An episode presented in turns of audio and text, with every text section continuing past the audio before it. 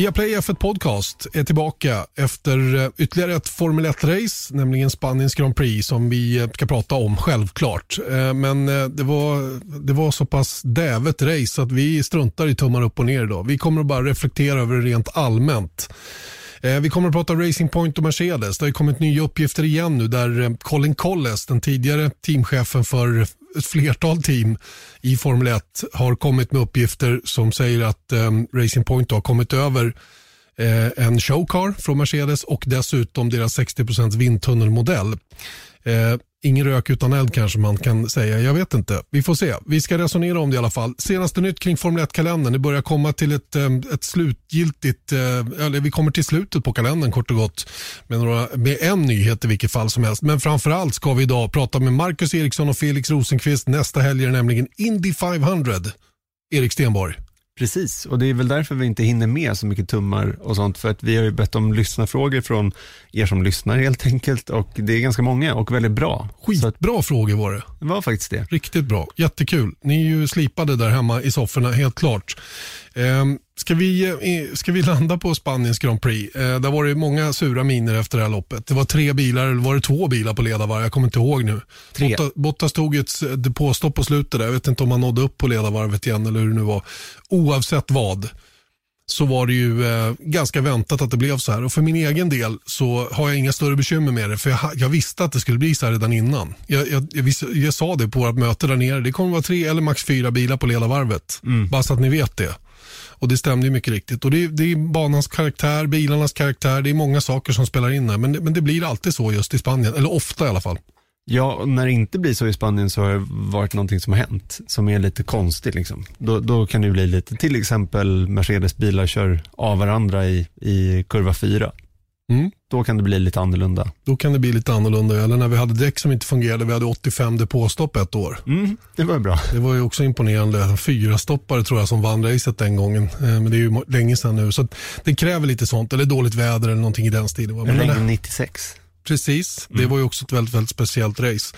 Eh, men, men eh, den här banan är helt enkelt bra på många sätt men inte för att racea mot varandra. Nej, och det som jag en reflektion där då, om man tar en spaning. Vi har väl flera stycken här då, men då tänker jag på det här med däcken, att man hade ganska mycket efter andra 70th anniversary Grand Prix på Silverstone, det andra racet där. Då hade jag ganska stora förhoppningar om att, ah, okej, okay, men det är varmt i Spanien och uppenbarligen så är Red Bull bättre på däcken. Det kanske kan bli någonting. Men det blev ju inte det. De var, det visade sig att Red Bull var sämre hade ja, sämre däcksekonomi än, än Mercedes den här gången också. Vilket får mig att tänka så här att alla de här äh, hjälpmedlen som man diskuterar ibland, de här klassiska knee-jerk decisions som alltid dyker upp efter ett dåligt race i Formel 1. Då tänker jag så här att, ja men, tänk om man kunde göra däcken lika ömtåliga som de var på Silverstone. Men problemet är ju att det blir ingen stringens i det heller. Det, det, det finns ingen eh, silver bullet helt enkelt att fixa Formel 1 med liksom sådana yttre faktorer som däck eller någonting annat som, som ska hända utifrån, utan det måste vara bilkoncepten helt enkelt, mm. som, som ska fungera bättre. Så är det. Och eh, det här med, med däck som gått av och, och degraderar, i huvudsak degraderar, eh, har vi varit med om förr och då gnälldes det om det. Då ville ja. vi ha raciga däck istället. Mm. Ja, så får man race, re, racigare däck och då är inte det heller bra. Så att, vad man än gör. Sen, sen är det ju så att Pirelli har um, egentligen genom hela sin era här nu i Formel 1 eh, fått utstå mycket kritik. Eh, och, och, Man kan ju gå till botten med det där hur mycket som helst och det, det är väl kanske inte den här podden till för att analysera ända ner i grunden. Men hur den är så, så, um, så är det nog bilarnas utformning, precis som du säger, som är den stora boven i dramat när det blir som det blir just på en sån här bana. Och sen är det att den här banan kanske inte ska vara en tävlingsbana. Den Nej. kanske ska vara en testbana bara. Eh, och, det, och det kan man också få lov att acceptera på något sätt. Va? Det, det, och det har man ju pratat om rätt mycket. Att det handlar mer om, många gånger mer om hur man utformar banorna snarare än bilarna många gånger i alla fall. Eh, fast även om vi nu har gått kanske till det mest extrema som har funnits i Formel 1 egentligen rent fartmässigt då med så oerhört mycket downforce som, som kommer att försvinna. Men, men, men eh, nu när vi tittar på racet som vi hade senast så är ju problemet redan åtgärdat. Mm. Fast inte förrän till 2022 mm, av känd anledning. Ja, visst, visst är det tyvärr. Va? Men Det är inte säkert att vi ser Spanien på kalendern nästa år i och för sig. För de hade ju bara kontrakt över i år. Så att eh, i bästa fall så försvinner den då. Då är just det problemet ur världen. Va? Men vi, du kommer ihåg hur det var i Singapore när de inte hade däck som räckte och hur mm. de fisåkte och liksom bara försökte köra sig in i strategin bara för att det inte går att åka om varandra där heller. Mm. Det, det, det, finns eh, ytterligheter emellanåt som, som vi får leva med helt enkelt. Mm. Men po som... po poängen är det, det går inte att fixa Formel 1. Det som behöver fixas med Formel 1 är att fixa vissa detaljer. För jag menar, vi skulle ha en eller DRS, det skulle hjälpa det och bla bla bla. Och sen så en annan framvinge skulle komma lägre, den skulle vara lite bredare, den skulle vara lite smalare. Det, liksom, det är ingenting som liksom gör om Formel 1 helt och hållet, utan det är mer så här, när det blir sådana där, som andra racer på Silverstone, så blir det ju bra, men det är ju för att det var en avart mm. där som, gjorde, som kastade upp liksom korten i luften lite grann. Det är inte, om du hela tiden kastar upp korten i luften så kommer de lära sig hur man gör det också. Visst, och i, i ärlighetens namn på Silverstone var ju inte Red Bull den snabbaste bilen. De hade bara den snabbaste bilen med de givna förutsättningarna i race 2. Det, det såg vi alltså tydligt i det första. Ja, visst, visst. Vi, självklart eh, hade de det just vid det valda tillfället. Men ja. om vi nu skulle ställa de här bilarna och köra dem ett varv så skulle ju Mercan vara före 99 eh, gånger av 100. Mm. Så, så att, eh, det, det, är bara att, det är bara att inse att det är på det här viset. Sen då kan jag komma vidare till med en spaning. Som jag vet knappt, det är ingen, det är ingen extraordinär spaning egentligen, men det, det är just när man såg Hamilton den här helgen, återigen då, det här är ett rutinrace för honom. Det är liksom så jäkla dominant. Han hade ett stopp till godo på förstappen på andra plats. Eh, samtidigt då som Bottas hade fullt sjå med att ens försöka komma i närheten av förstappen. Han lyckades inte med det. Men det är liksom, han får ingen driver of the day. Han får ingen liksom speciella liksom, utropstecken, men om man tänker på att han, det var ju helt otroligt. Om någon hade dominerat här, hade helt plötsligt Bottas dominerat här, då hade man ju dragit stora växlar på det. Men det här är bara, det här är ett helt vanligt race för Hamilton. Jobbigt när ribban sitter högt. Ja, den sitter ju så jävla högt, så att man blir nästan förbryllad över hur det ens går till. För att jag, jag tänk, man pratar ju hela tiden om att man kan inte vinna utan den bästa bilen, men Bottas återigen har ju en likadan bil som Hamilton, men menar, på det här sättet hur han dominerar Bottas är ju helt otroligt faktiskt. Mm, det är det verkligen och, och, nu glider ju eh, mästerskapschanserna för Bottas all världens vägar och de har ju försvunnit de sista tre helgerna kan man väl säga då och eh, det är ju besvärligt för honom. Eh, men det är samma tendens, samma trend som vi har sett de tidigare säsongerna. En stark öppning på säsongen. Sen gör Hamilton några avgörande puffar i magen på Bottas och, som då tappar luften och sen aldrig riktigt återhämtar sig från det. Och, och ska, vi, ska vi se på det någorlunda objektivt så är ju Bottas den perfekta föraren för Mercedes på det sättet. För hur den är, den bästa storyn är att det är Lewis Hamilton som vinner VM, vinner sin sjunde titel, kommer upp på lika många som Michael Schumacher, får chansen att ta sin åttonde titel fortfarande med merparten av det här paketet även nästa år. Han kommer att gå till historien på det viset. Självklart kul om Bottas skulle kunna vända på steken och vinna en VM-titel han också. Det är inte frågan om det. Men, men, eh, men Bottas, eh, det, vi hade någon diskussion på min blogg om, om Bottas, eh, att han klarade första kurvan där utan att bli av med framvingen när det är bilar överallt och att han är skicklig på det. Men det är kanske också det som gör att han drar kortaste strået många gånger. En teori från min sida då, att, att han, han, tänker för mycket helt enkelt och, och är smart. Mm. Vilket är, jobbar emot honom många gånger. Va? Men det jobbar ju för honom. Det är därför han sitter kvar hos Merca hela tiden. För han mm. ser till att de vinner konstruktörs-VM.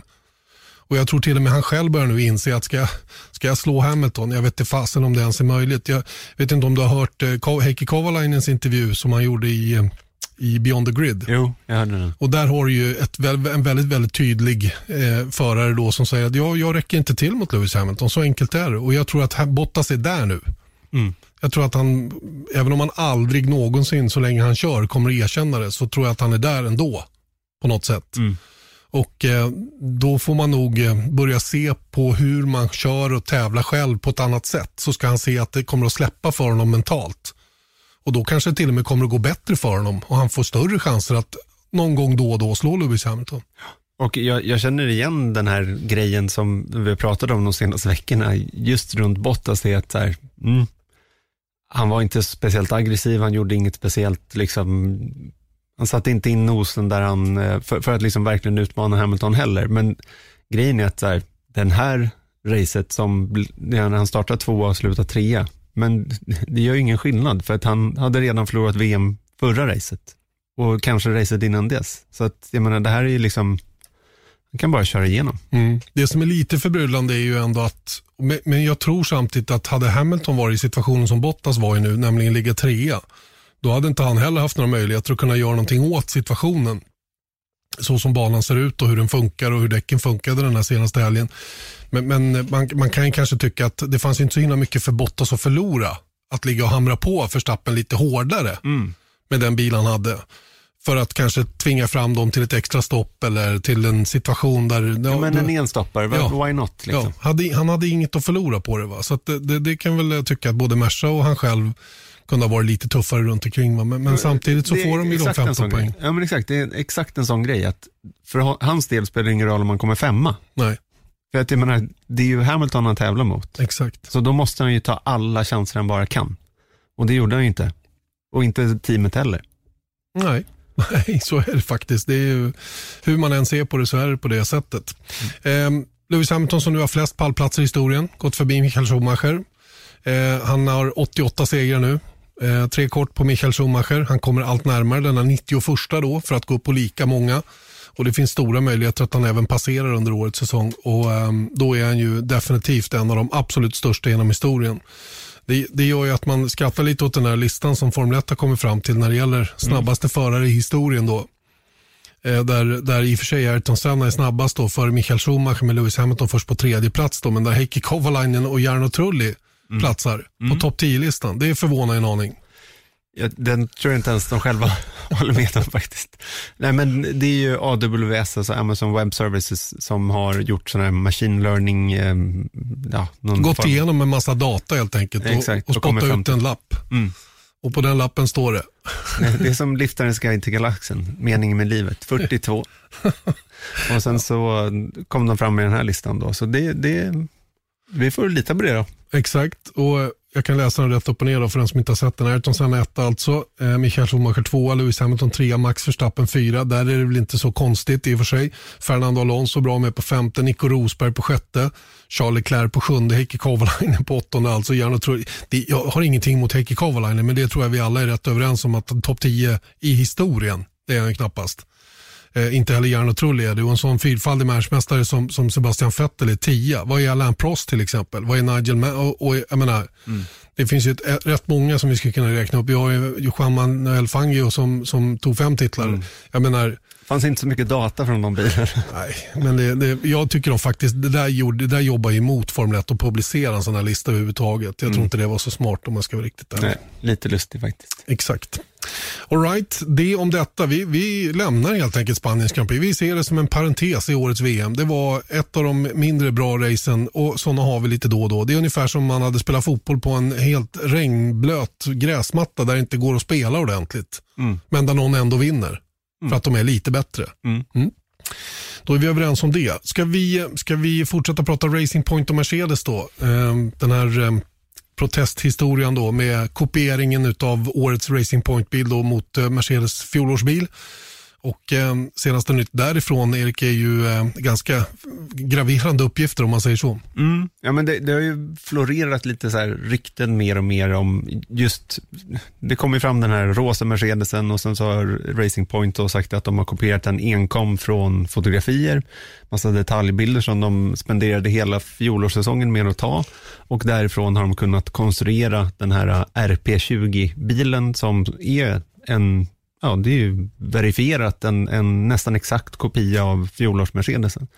Ehm, och det har väl funnits ganska mycket frågetecken runt hur gör man det här faktiskt? För jag menar, det finns ju jag menar, det har funnits fotografer i, i Formel 1 i, genom alla tider och eh, man kopierar varandra så mycket man kan, men just att gå så här långt, att få ett helt bilkoncept att stämma och verkligen fungera, är det ens möjligt att göra eh, genom fotografier? Och det är ju många som, däribland eh, Zac Brown, alltså vdn för McLaren Racing, McLaren F1, ehm, har sagt att det, det är eh, BS helt enkelt, att det ens skulle kunna gå. Sen kommer då en protest från Renault runt deras, ehm, Det de visste att de skulle kunna, eh, som de hade täckning för. precis, och, Och det, det- var l- broms, eh, luftintagning, eller Ja, kylningen till bromsen. Mm. Mm. Och eh, sen så kollar Fia på det här och eh, de konstaterar att det finns massa olika, vi behöver inte gå in på det här. Vi har ju dragit det redan. Precis, mm. men det, det de får då är att de får 15 poängs eh, avdrag eh, i eh, konstruktörs-VM och 400 000 dollar euro, euro ja. i, i böter då för att de har använt de bakre bromsluftintagen eh, ja, helt enkelt illegalt. Mm. För att de inte tävlade med dem förra året, vilket de gjorde med de främre luftintagen. Det är samma problematik med de främre luftintagen, men de hade man ju redan tillgång till under fjolåret. Och man fick också tillgång till de bakre luftintagen redan under fjolåret eftersom man då redan hade bestämt sig vilket koncept man skulle köra. Men det de förlorade den här protesten på det är att de faktiskt aldrig tävlade med de bakre luftintagen för då såg bilen helt annorlunda ut i bakänden. Eh, och eh, i och med att de nu väljer att tävla med de här de hade fått tillgång till och hade CAD-ritningar på, då bryter de alltså mot det sportsliga reglementet att i designprocessen inte göra det på ett korrekt sätt. Mm. Så, så är det ju då i korta drag och där har vi starten på hela historien. Va? Men det, det Renault och med, med flera är ute efter det är ju hur det här har gått till egentligen. Och eh, det senaste i det här då är att den gamle teamchefen Colin Colles som senast han var i Formel 1 var inblandad i, i svenskteamet då på den tiden, Caterham, när Marcus Eriksson körde där. Var med i övertagandet då efter, efter Tony Fernandes. Um, han har nu sagt att han har uppgifter på att um, Racing Point då har kommit över en showcar från Mercedes och en 60% eh, vindtunnelmodell. Mm. Och på det sättet kunna skanna bilen och utifrån det då kunnat bygga årets version på, på RP20. Då. Precis, och Colin Collins, lite bakgrund på honom då är att han, han är eh, en rumän-tysk eh, som är en före detta då teamchef eh, för Hispania. Gick jättebra för dem, som alla vet. Um, och sen så då är det Spiker och uh, Force India som man var. Jordan tror jag till och med. Ja. Han var ju någon skarv där när Jordan tappade, ja. eller när Jordan sålde. Eller ja. Jordan. Och Midland var han inblandad i och sen så Caterham då. Och sen så um, försökte han ju starta ett nytt team som heter Forza Rossa. Tror jag att det var. och eh, men, po poängen runt honom är att han, jag menar, det här är ju inget eh, heller scoop direkt, men han, han anses ju vara en riktig lurig typ. Alltså. Mm, bandit. Eh, en riktig bandit alltså. Och eh, har gjort, eh, jag menar han har tagit över, försökt ta över team och tagit över team och allting har liksom fallit samman egentligen. Ehm, så att jag förstår inte liksom fortfarande hur han figurerar i den här sporten överhuvudtaget. Men, men han, han är en räv helt enkelt. Och, eh, han har ju sitt sportvagnsteam by Colles kvar fortfarande. Precis. Som kör i WEC. Det har han ja. Men sen så um, har ju han varit i en um, fade med Toto Wolf det är väl en bakgrund till allt det här också utifrån det han säger. Och vad är det egentligen han säger? Ja, det han säger är ju som sagt då att, att, eh, att Racing Point då har kommit över grejer. Eh, den här showbilen då, eller showcarbilen då. Det har jag hört från annat håll också. Att det har misstänkts vara på det viset. Att Lawrence Stroll på något sätt kommit över en gammal uppvisnings, eller ett, eh, ett, en showcar det är ju helt enkelt Eh, det kan ju vara ett skelett av en Formel 1-bil bara som man ställer upp på flygplatser eller på, ja, på utställningar och sådana saker. Då. Men som i, i, i, stora stycken då överensstämmer med en riktig bil. Det sitter dock ingen motor och sådana saker i. Då. Eh, och där, där får du ju mycket av den information du behöver kring de här dynamiska ytorna såklart. Eh, men värre är ju om de har kommit över den här vindtunnelmodellen för då har de ju verkligen i detalj hur bilen ser ut och då kan de ju direkt stoppa in den i vindtunneln själva då och göra en, en egen kopia av den. Och, och de använder samma vindtunnel? Precis, i, i Brackley. Så det, det är ju ett större bekymmer som jag ser det. Och, det. och det här är ju väldigt komprometterande uppgifter om de stämmer.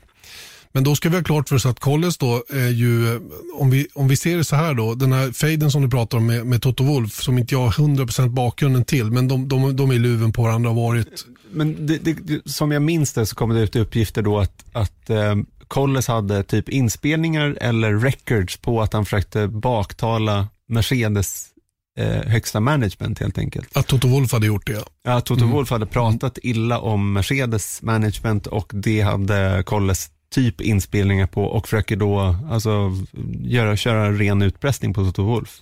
Sen så är det här liksom overifierade uppgifter också. Det, det sägs att de, eh, då löste den här problematiken privat då också, men de, de är inte bästa kompisar heller. Nej, definitivt inte. Vilket betyder att Colles, om han får sådana här uppgifter eller får tag i sådana här uppgifter, inte blinkar en sekund extra innan han hugger kniven i Wolf, såklart, mm. publikt.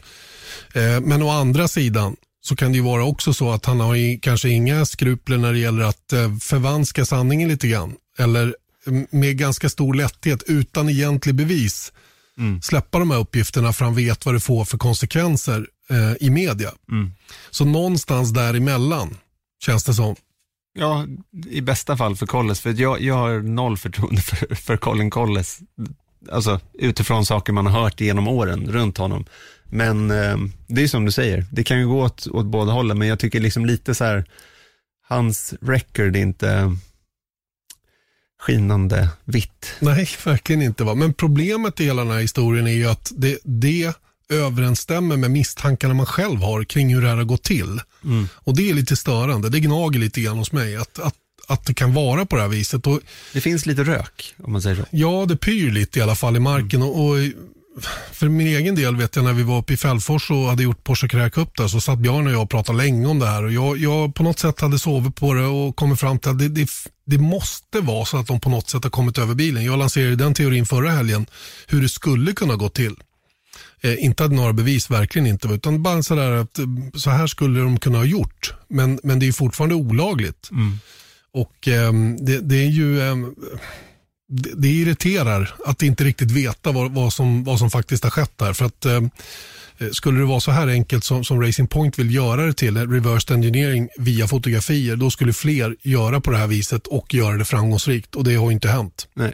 Men det som Colles också säger, att jag kan ju tycka då att i det här fallet, just när det är han som anklagar Toto Wolf eh, på ett privat plan också, att det är lite det som är, är, är grejen här. Att för ett Mercedes AMG F1 team, de har ingenting att vinna på att ge det här till, till um, Racing Point.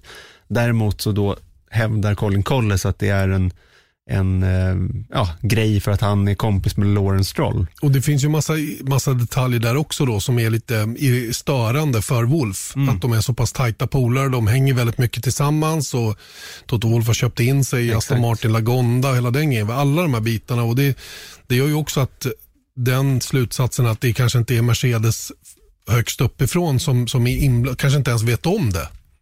Nej. Utan att det är helt enkelt en Wolf-historia. Nu börjar ju Toto Wolf dessutom prata om att han börjar se ljuset, eller han börjar se slutet på sin egen karriär här. Och, och eh, inte vet jag, om det, om det också går att lägga in i, i ekvationen så att säga. Samtidigt så är det ju svårt för Toto Wolf att bara kliva in i vind, liksom vind, workshopen runt vindtunneln och bara ta en 60% modell under armen. Eller hur? För att alltid finns det ju någon som blåser i visslan. Så Exakt. är det ju. Va? Och, då, och, då, och då sitter man illa till. Va? Då är man riktigt illa ute om det är så att man... För ska du kunna göra en sån grej, då måste du verkligen kunna lita på att den inre kretsen då som, som får reda på att det här sker, för han måste ju ha hjälp, verkligen håller sig till, den, till det de har kommit överens om att inte föra det här vidare. Mm. För det är, ju, det är ju med avsikt då ett tydligt brott mot reglerna. Mm. Och därav säger jag så här att eh, innocent until proven guilty och upp till bevis då, Colin Colles, om du ska komma med sådana grejer. Exakt så. Och fram till, fram till dess att vi ser sådana bevis så ska vi inte betrakta Toto Wolf som, som någon regelbrytare överhuvudtaget. Verkligen inte. Nej. Tydligt och klart, från vårat håll i alla fall. Eh, det var den delen det. Och sen eh, lite kort om kalendern också då innan vi pratar Indycar här om en stund, vilket vi kommer att göra merparten av den här podden faktiskt. Men, men innan dess, eh, kalenderuppdatering Erik. Ja, vi har ju i detta nu så har vi 14, 13 race bekräftade och eh, nu så ser det ut som, eller det finns eh, starka rykten runt att... det är de... till och med officiellt annonserat i i Turkiet, ja. Just det. men det är då att det ska komma annonseras fyra race till, varav det första av de fyra är på gamla Istanbul Park. Jag tror att man körde det senast 2011 och eh, sedan vidare till Bahrain, köra två race och sen så ett avslutande race på Jasman Rina Circuit i Abu Dhabi ungefär någonstans i mitten av december. Mm. Men det är ju kul tycker jag, för Istanbul Park är en toppenbana. Ja, eh, om vi, om vi jämför den till exempel med Barcelona så är det ju raka motsatsen. Här har vi en riktig höjdarbana på alla sätt och vis. Så jag är väldigt positiv om de kommer att köra där igen. Mm. Det skulle jag tycka var toppen. Det är ju synd och skam att den där fina anläggningen inte finns med på kalendern då, men det fanns inte underlag för att köra vidare med Formel 1 i, i Turkiet tyvärr. Men, men under de omständigheter som råder så är det väl ett alldeles utmärkt tillfälle att ta banan tillbaka. Mm. Och eh, Vad jag vidare har hört också är att eh, teamen är positivt inställda till att inte tillåta några tester på de här nya banorna då, som man nu kommer till, som man inte har kört på på ett tag. Eller inte kört på alls då, som Portimao till exempel. Då. Eller Mugello då, där bara Ferrari har testat lite grann, men i övrigt är det ingen som har varit där. Och det, är väl, det, det säger mig en sak, det är att de behöver inte testa.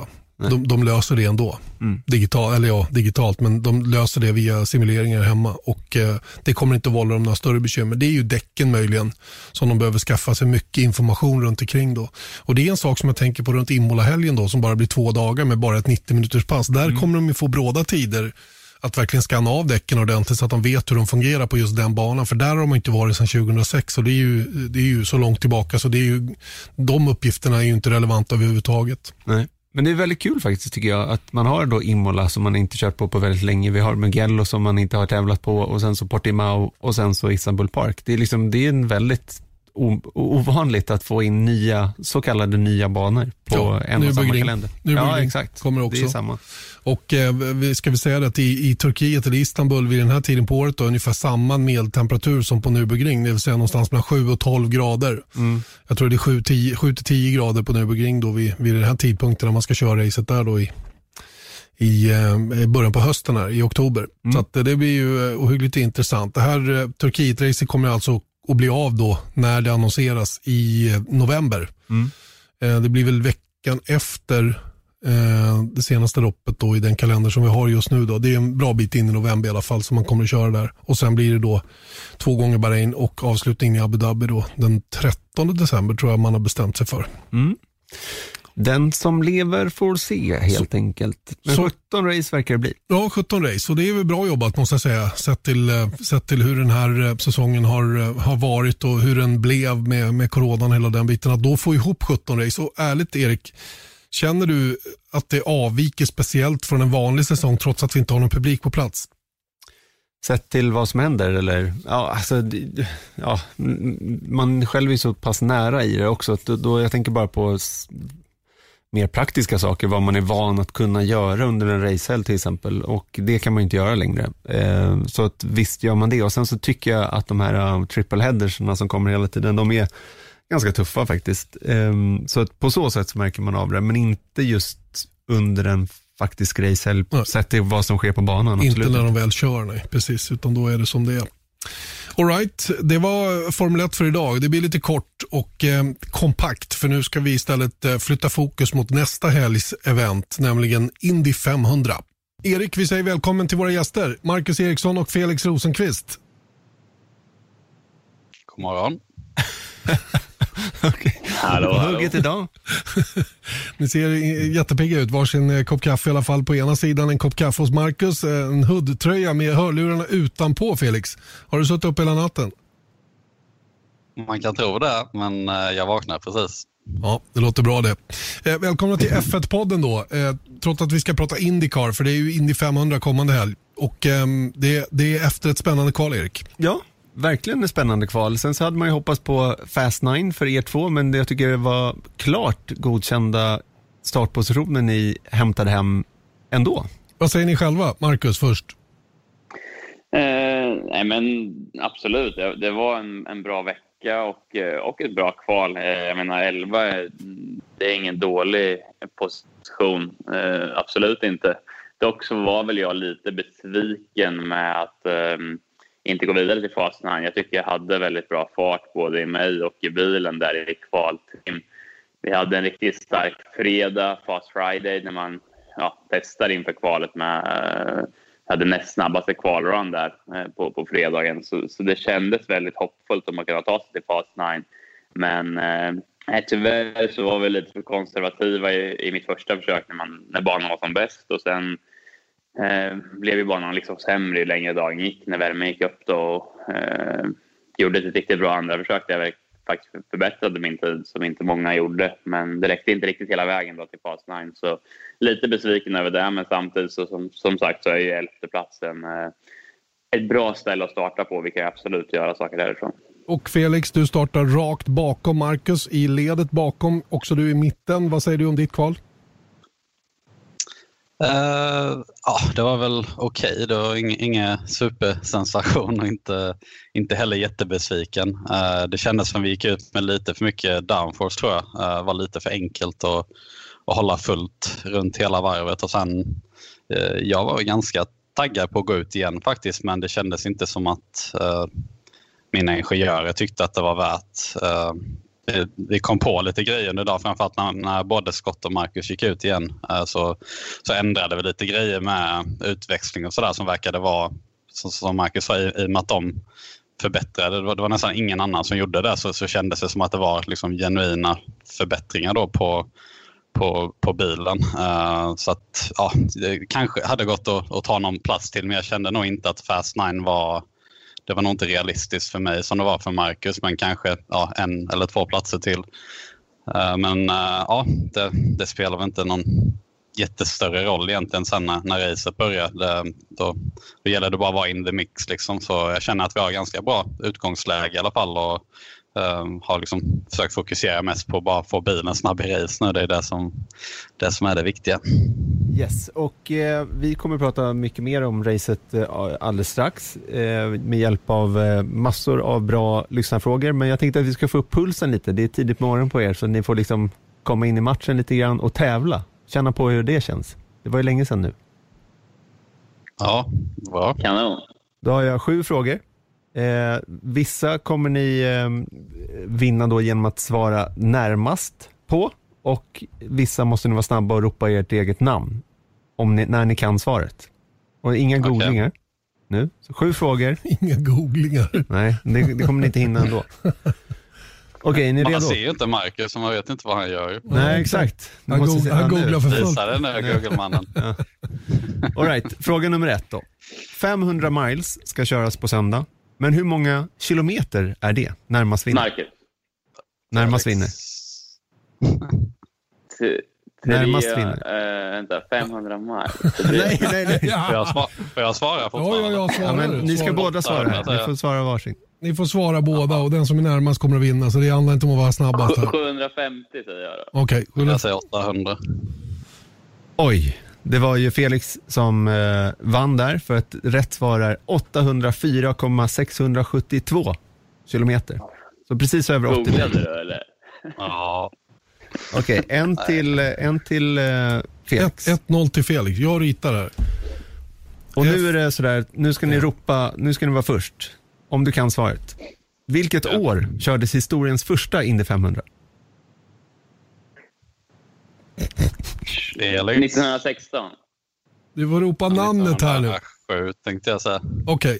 Ja, det här, här går inte att, att, ropa här. Men, men då undrar jag så här, är det närmast här också eller? Ja, vi får köra det. Vad sa Marcus? 1900... 1916 och 1907. Ja, då är ju faktiskt Felix närmast. Mm, 1911. Ja, så du är fyra år men från och Marcus är, är, är, fem år från. running? 104 ja. Jo, men de har inte kört varje år. Ja, ah, ni tänker så ja. Krig och grejer med vet du. 2-0 Felix. 2-0 Felix ja. Marcus. Oh. Ja, det är tidigt här på morgonen. Och jag, jag märker jag precis börja med mitt kaffe. Jag märker ju att er eh, Indy 500-historia inte på topp alltså. Så att, uh, det, här, det, här kanske, det här kanske ingen kommer att ta. Det kan ju hoppa över nästa fråga. Ja. Men uh, vi säger så här.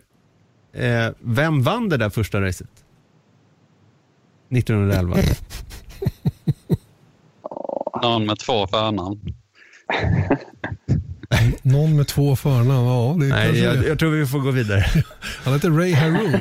Ray Haroon heter han. Ray Haroon. Känner ni inte till honom? Nej, inte han Ray Haroon? ja, men nu vet ni det i alla fall. Namnet okay. här nu då. Namnet ska ni ropa först här, sen så ska ni svara. Den som, den som ropar namnet först ska svara först. Mm, för det här borde ni kunna. Ja. Hur många Indy 500-segrar har Chip Ganassi Racing? Pinsamt det här. Det här är inte bra alls. Ja, jag chansar. Marcus? Ja, chansar du? Jag säger... ehm, jag tror att Scott har vunnit det en gång, eller? Du skulle Och så svara. var ju nu. Dario. Ja, men jag säger fem då. Jag Fem säger du? Okej, Jag säger sju. okej. det var var- fyra, så Ja. det var ingen som fick den. Vann eh, Indy Det var 500. fyra. Ja, fyra. 2000, 2008, 2010 och 2012. Jag trodde... Scott har vunnit en- senast, eller var det Dario som vann? Det var 2008 som Scott vann. Jag trodde Montoya hade vunnit några. Fick chip, men det kanske inte har. Han vann väl en i alla fall. Ja, men inte med chip. Det var ju senaste gången han körde det. Penske? Ja. Hur som helst, Just det. 2-1 mar- 2-1 till Felix. Just det. Fråga fem då. Det är 2-0 till Felix, det var ingen som fick här. Mm. Det här kommer in. Ja, men det här, ni får inte ropa här, utan det är närmast vinner. När Ja. dracks mjölk, eller buttermilk, för första gången i Indy 500-historien? Vilket år? 1945. Marcus, vad säger du? Nej, 1946. Det var 1936, så att eh, 3-1 till Yeah. Felix. Nu är det ointaget här. Ja, Faktiskt. det är bara två frågor kvar. Men vi, vi kör dem ändå. Ja, det gör vi. Det, gör vi. det, är, det är lärande. Det blir Lär... lite MVG på slutet här känner jag. Exakt, exakt. Vi måste nog plugga på vår. Jag men- Eller så har ni den nu. Den här kan ni. Den här kan ni, det är jag helt säker på. Om ni har någon koll på racing så då borde ni kunna den här. Och nu ska ni ropa ett namn då. Den som vet svaret först här. Och då är ju den här traditionen att dricka mjölk, det här är på samma tema. Men det var en förare som valde att dricka apelsinjuice efter racet istället för mjölk, efter sin seger. Vem var det? Nej, det här är ju för dåligt. Det är skandal. ni är ju vråldåliga på det här. AJ Foyt? Nej. Nej. Och, och ledtråd är att han, han, eh, han hade en apelsinodling. Och därför så vägrar han att dricka mjölk. Nej, jag har ingen aning. Alltså, Felix har redan vunnit, men det här var Emerson Fittipaldi? 1993 så valde han att ta en, en eh, stor klunk apelsinjuice för att promota citrusindustrin. Som han, eh, han ägde massor av tunnland av apelsinodlingar och gjorde det. Han blev utbuad. Och, eh, det, känns så spontant som att det inte hade varit jättepopulärt att upp en äh, apelsinjuice här i traditionernas Indianapolis. Liksom. det var precis vad det var också. Det var väldigt impopulärt och han blev, jag tror senast han körde pacecaren, jag tror att det var 2008. Då blev han fortfarande utbuad av publiken faktiskt när han körde. Så att, eh, akta er för den grejen. Just det. Ja. Ja, men jag, jag tar den sista frågan Ta den också. sista också. Närmast vinner då. De får ju kanske känna på det. Så att, eh, Ja, ni får ju, absolut, vi hoppas det. Men hur mycket väger The Borg Warner Trophy? Den ser tung ut i alla fall. 27 kilo. 27 säger Felix, vad säger Marcus? Mm.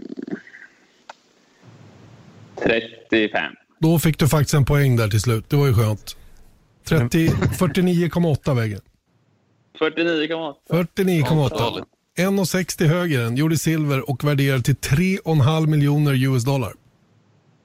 Det är coolt. Det är coolt. All 3-2. right. 3-2 till Felix. All right. Hur känns det, Felix Rosenqvist? Nej, det var en bra start på dagen. Där. Nu är man igång kan man säga. Det är bra. Det är bra. Det var Det är lätt. hela tanken. Det är lätt att göra sånt här när vi pratar digitalt med er också via Skype och ni inte ser oss och hela den grejen. Så jag tycker det var bra gjort i alla fall. Ehm, det om detta då. Som sagt, eh, hänga kvar lite grann vid racet då och lite allvar i det här igen då. För att eh, det är ju ett väldigt, väldigt speciellt race. Det handlar väldigt mycket om att bygga upp förtroendet för, för bilen. Eh, om vi börjar med det, när ni, när ni startade the month of August då, som det är nu då, istället för the month of May. Vad, va, va hade ni för ingång? Liksom? Eh, hur, hur tänkte ni? Hur skulle ni ta er an det här nu då? För det är ett väldigt, väldigt speciellt eh, upplägg ändå som man måste ha. Marcus, vi börjar med dig. Ja, alltså det är som du säger, det är en väldigt speciell tävling. Eh, hur den är upplagd och med så mycket träning först och främst innan då en kvalhelg och sen en racehelg. Eh, det som jag lärde mig från förra året var väl att man ska göra det steg för steg. Eh, inte stressa in i någonting utan man måste göra liksom, bygga upp farten, bygga upp förtroendet. Och det var lite så jag, vi jobbade. Fokuserade både onsdag och torsdag med att bara jobba med bilen i trafik, i klungor, gjorde olika ändringar på inställningarna. Eh, byggde upp eh, byggde upp mig egentligen med att köra många varv. Jag körde mest varv av alla de här första två dagarna. Eh, så det var liksom full fokus bara på att bygga erfarenhet med bilen och, och, och prova olika grejer. Men hela tiden fokusera på att ligga i trafik. Och sen var ju då fredag, fredag och lördag fullt fokus på kval. Och sen nu i, igår igen så in igen i, i den här jobba på racebilen-bubblan eh, där man liksom vill ligga i trafik och försöka se hur den beter sig där. Då. För det är ju som sagt, eh, som vi fick veta nu, 500 miles. Det är 800 mils eh, race eh, här nästa, nästa helg. Så det kommer att vara ett långt race och det gäller att ha en bra bil som du litar på då. 80 mil i alla fall, inte 800. Men det, det är en detalj. Det är en detalj. Felix då? Felix då, du, du, du hade ju en lite tuffare, ett, en, en, tuffare uppladdning förra året som, som du lärde dig mycket av antar jag. Har du ändrat ditt upplägg till i år då, om du går igenom samma?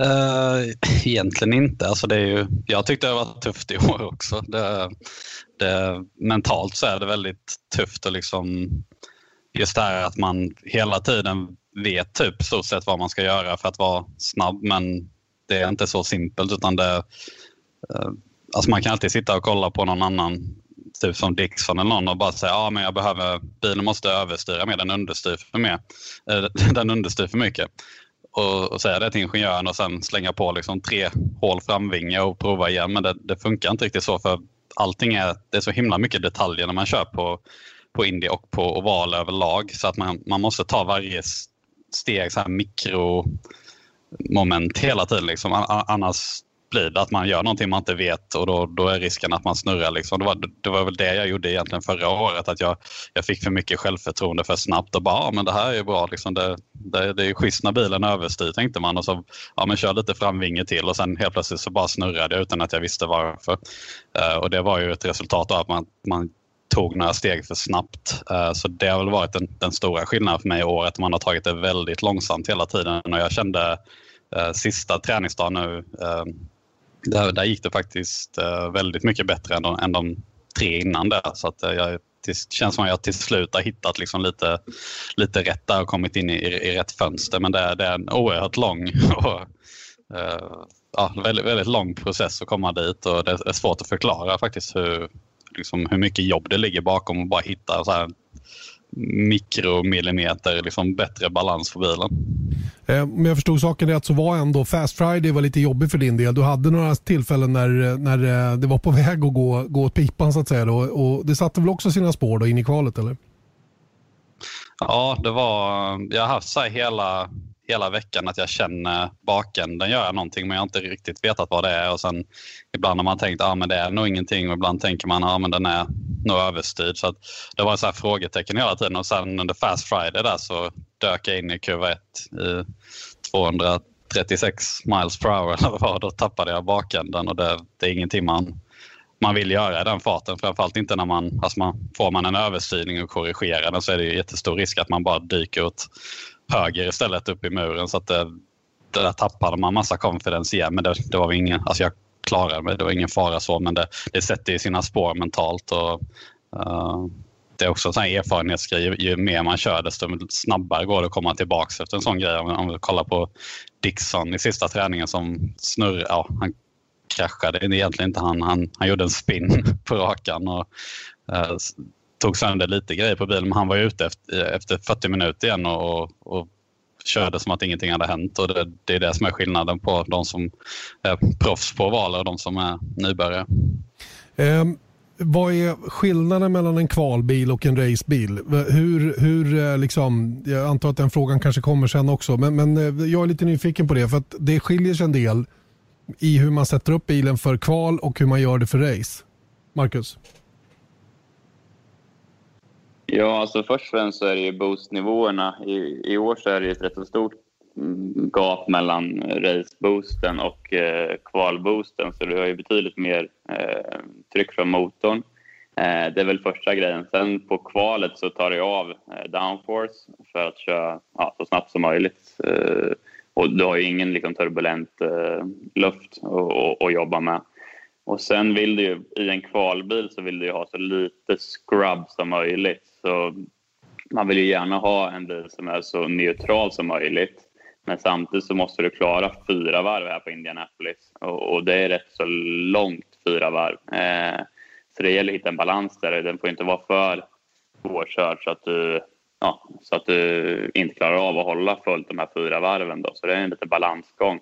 Men eh, det är väldigt mycket kvar att hitta den här balansen med hur mycket downforce har du på, hur mycket downforce klarar man av att ta av och ändå hålla fullt och klara de här fyra varven. För så fort du börjar eh, glida eller sladda i kurvorna även lite grann så tappar du både fart och, eh, och det kostar ju. Så det är, det är, små detaljer som man måste hitta där på kvalbilen. Men det ska ju vara de här fyra varven ska verkligen vara på, på gränsen. Eh, annars har man ju för, för mycket marginaler.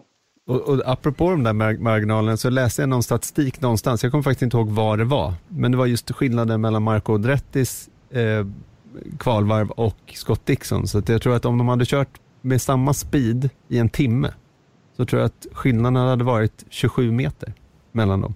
Och det är liksom helt sjukt med, om man tittar på marginalen här. Mm. Det är inte mycket. Hörrni, vi, vi kastar oss in på lyssnarfrågorna tycker jag. För att vi kommer att få möjlighet att ställa lite stickfrågor däremellan då. Så slipper vi ha, ha två avdelningar så att säga. Så Erik, du kan ju börja då eftersom den kommer hemma från dig. Ja, den exakt. Första. Jag pratade nämligen med min son Gusten i morse och eh, sa att eh, vi skulle prata med er i, i podden och då så även att det skulle vara en lyssnarfråga. Han bara, men kan inte du eh, fråga om, fråga om de, om de gillar mjölk? Så gör ni det, Marcus, till att börja med. Jag gillar ju bara chokladmjölk. Ja, det, det bra svar faktiskt. Det gör ju Frej Felix också har jag sett på, på din YouTube-kanal. Ja, nej, men eh, annars dricker jag väl inte så jättemycket mjölk. Men chokladmjölk går ju ner ett par stycken. Ja, men vad hade du valt för någon mjölk? Ja, men jag tog väl eh, 2 procent. 2 procent, ja. Det gjorde du med Felix. Vad sa du? Ja, Alltså Arla 2 procent. Arla 2, mellanmjölk. Grön eller vad är det? Eller Mell röd? Me mellanmjölk. Jag tror att det är röd. Röd mjölk. Tror jag. Röd är 3. Aha. För det dricker jag. Aha, okay. Mellanmjölk är en och en halv. Och sen tror jag blå är 0,5. mellan är den goa. Den, Exakt. den är riktigt nice. Typiskt svenskar. Mm. Typ, typiskt svenskar, mellanmjölk. Är, är du mjölkdrickare? Har du mjölk i kaffet och sånt? Ja, det brukar jag ha. Men bara dricka mjölk rakt av så måste det vara svensk mjölk, annars dricker jag inte. Nej, det går inte. Men tar, tar du liksom ett glas mjölk när du är sugen? Felix? Ja, när jag kommer hem till Sverige gör jag det. Mm. Marcus då? Drar du, ett, drar du en trea? Nej, det var länge sedan. Ni behöver inte det. är bra för benen. Då, dåligt, med, dåligt med ren mjölkdrickande här. Mm. All right. Bra, Gusten, då vet han det. Mm. Då tar vi nästa som kommer från Rickard Westerlund. Som vill att ni beskriver känslan att gå in i första kurvan i nästan, tre, eller nästan 400 km i timmen. Eh, det går ju alltså igår, eh, på, på, um, på första kvalet tror jag Alex Palou gjorde 340 in i första sväng. Eller 240 miles. Mm. Eh, beskriv känslan Felix. Hur, hur är det att gå in där utan att få överstyrt då? Uh, ja, det, det är ju extrem fartkänsla. Uh, just i kurva 1 är ju störst fartkänsla för man har uh, läktaren och allting som, som man ser i periferin. Och det, ja, det går. Man försöker bara fokusera och liksom slöa ner allting helt enkelt med sin uh, med, med vad man kollar på banan och hålla, hålla liksom ett enormt fokus. Just i den kurvan känns det som man måste fokusera ex, extremt mycket på vart man vill i, i typ vid Apex. Och sen de andra kurvorna är lite mer, de, på något sätt kommer de lite mer naturligt. Men den, den kurvan är så här att högerfoten vill lyfta gasen men man får liksom bara trycka ner gasen på något sätt. Eh, men den, den är cool. Den är, det är den som är mest häftig på något sätt på, på, hela, på hela varvet. Vad säger Marcus? Ja, men jag håller med Felix. Där. Det, blir en speciell känsla. Det blir lite som en tunnel när det har läktare på båda sidorna. där. Framförallt vet jag i racet förra året när det var liksom fullt på läktarna så blev det väldigt det känns ännu mer tight kurvan då. Eh, men den kurvan är absolut den svåraste skulle jag säga på banan. Och, eh, ja, det, det, det, gäller igen det att man, man måste lita på bilen. Det, det, för du har inte mycket att känna utan det gäller bara att svänga in. När du kommer där så måste du bara svänga in. Eh, och, och, det blir mycket så att, som, som Felix säger, gärna säger att man ska släppa men man, man, det gäller bara att hålla ner. Var, tittar ni någonstans när, när ni ska svänga in på, på, i en sån kurva, Marcus? Nej, men på, på just super speedway så har i alla fall jag lärt mig att man måste liksom kolla längre fram. På en vanlig bana kollar man eh, rätt så nära vart man ska men eftersom det går så pass fort så måste man liksom kolla lite längre fram. Eh, så man kollar ju mot Apex när man svänger in men sen så fort du börjar svänga ner så kollar man egentligen mot utgången för att se vart, vart du vill komma. Då. Eh, så, så, så, det är också någonting man, man eh, får justera när man kommer till sådana här super speedways. Och sett till banprofilen, nu pratar vi om kurva 1, 2, 3, 4, det är fyra kurvor. Och, men om man tittar på banprofilen så ser de ju precis likadana ut, så egentligen borde kurva 3 vara exakt likadan som kurva 1 om man bara ser på banprofilen. Hur, hur är skillnaden på banan, Felix? Uh, så kurva 3 är faktiskt lite annorlunda dosering på. Den, eh, den har mycket mer progressiv dosering in i kurvan vilket gör att det känns eh, när man kör igenom så känns det som att man får mer security och mer confidence. Liksom. Eh, och sen tror jag kurva 1 är, den här? jag tror den är varmare i början på dagen och sen kallare i slutet på dagen vilket också gör att det, det blir massa skuggor i kurva 1 också vilket gör att rent visuellt så ser den annorlunda ut. Uh, sen om man ser rent tekniskt så när man kör igenom kurva 1 så bygger man ju upp väldigt mycket temp i däcken. Så när man kommer in i kurva 2 så, är, så vill däcken liksom redan så säga, de, de skriker för hjälp redan när man svänger in och det är därför nästan alla krascher är kurva 2. För att det, tekniskt sett så är det samma kurva. Man kommer in i kurvan långsammare än vad man gör i kurva 1 men den blir ändå svårare ofta eh, än, än, än, än kurva 1. Och precis likadant med kurva 4. Den, kurva 4 brukar vara den varmaste svängen säger man.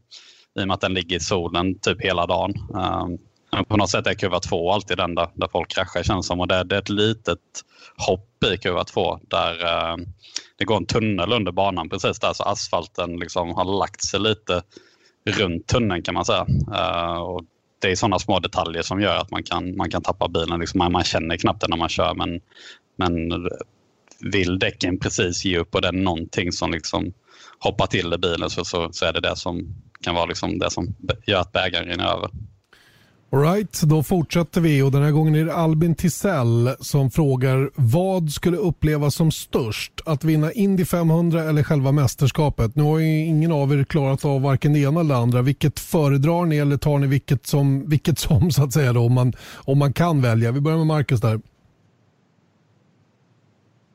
Ja, det, det är en bra fråga. Ehm, jag tror väl att, alltså som som, eh, som idrottsman så, så tror jag att vinna mästerskapet är liksom en större grej att göra för då måste du ändå liksom vara, vara bra under en hel säsong, alltså, eller bäst under en hel säsong. Så det tycker jag är en större bedrift att göra, men jag tror rent karriärmässigt och liksom, ja, eh, så sätt så är det ju större att vinna Indy 500 än att vinna Indycar-mästerskapet. Så det, beror på lite hur man ser på det, men jag tror väl att jag skulle nog ändå säga mästerskap just på grund av att det är Indycar är så himla tufft mästerskap med så många bra förare och vinner man det så visar man verkligen att man är bäst på alla olika typer av banor och så vidare. Men det skulle slå större att vinna Indy 500 tror jag. Vad säger Felix? Uh, jag håller nog med. Uh, rent alltså för, för egen del så hade jag nog tyckt att det var större att vinna 500 bara för att det, det känns så svårt. Eh, för där jag sitter idag så känns det liksom inte som att jag är i en position där jag har jättemycket självförtroende och kan säga att jag kommer vinna racet utan det, det känns som att jag behöver något år till innan jag kan, kan vara där. Däremot mästerskapet känns ändå som, liksom, har man lite bra flyt och, och, och vinner några race och sådär så, så finns det verkligen möjlighet att, att, att vinna det. Liksom. Så att, uh, sen är det nog som, som Marcus säger, det är nog fler, om du frågar någon på gatan, liksom, uh, ja, vem vann Indy 500 2019 så är det nog fler som vet det än vem som vann mästerskapet. Det är som Passionod vann 500 förra året och Newgarden vann mästerskapet. Det känns ändå som att det är mer som, ja, fler som kommer ihåg 500 men som, som ja, insats så är det ändå ett, ett, en större bedrift att vinna mästerskapet för där, där måste du egentligen vara du måste vara bra i alla race och du måste dessutom vara bra i 500 för där får du dubbla poäng. Um, så det, det, är väl 50-50 ja, men helt, helt, två helt olika utmaningar på något sätt. Mm. Eh, precis vad jag skulle komma till, att det är dubbla poäng då för att vinna Indy 500 vilket ger ett ganska bra utgångsläge om man vill vinna mästerskapet. Så det kanske är båda som är grejen eh, om man kan få välja helt och fullt ut. Eh, Anders Egeland då, han frågar så här, är det samma spänning i år som under ett vanligt eh, år med Month of May eller kommer en seger i år när man nu kör i augusti, rankas, eh, kommer det att rankas lika bra som ett vanligt år? Så att säga? Förstår ni vad jag menar? Felix? Uh, nej, jag tycker det är mer spänning i år. Jag vet inte, det kanske bara uh, för man är liksom ännu mer fokuserad och bara fokuserar på körningen så mycket och inte gör liksom PR-grejer och, och, och träffar fans och så på samma sätt så, så, tror jag att det blir mer fokus på själva jobbet. Uh, så på insidan känns det absolut som att det är samma eller mer liksom prestige bakom det. Men sen, sen, vet man inte hur folk uppfattar det från soffan men det det känns ju som att det kommer vara minst lika många som kollar på tv. Uh, ehm, sen får man inte den här magin liksom på banan som man har haft uh, tidigare men det, det, känns som tidigare, de, de, de tidigare racen under säsongen har inte varit liksom något konstigt så utan folk kollar på racen och, och, och accepterar att det är som det är och att det, det känns som att det är det är, det är inga liksom frågetecken på den fronten, men uh, vi, vi, får se vad folk säger helt enkelt. Mm. Vad säger Marcus? Tycker du att det är lika mycket värt att vinna i år som ett vanligt år? Det tycker jag. Eh, det är klart att det kommer vara en väldigt annorlunda känsla på racedagen när det inte är eh, alla fans där som, som skapar den här stämningen och allting. Men samtidigt tror jag när man kollar tillbaka som om, om 20-30 år så kommer alla komma ihåg vem som vann det här speciella året när det var i augusti istället för maj. Så jag tror ändå att det här, den här Indy 500 kommer vara en sån här... En, den som vinner den här gången kommer vara ändå stå ut i historieböckerna på något sätt. Jag tror ändå kommer göra att det, det, det är fortfarande samma bana och liksom samma race även om det är väldigt annorlunda förutsättningar. Vilket leder oss in på en fråga från Mikko Karpinen. Då. Hur mycket påverkas er körning av att ni kör utan publik? Då? Marcus, till att börja med.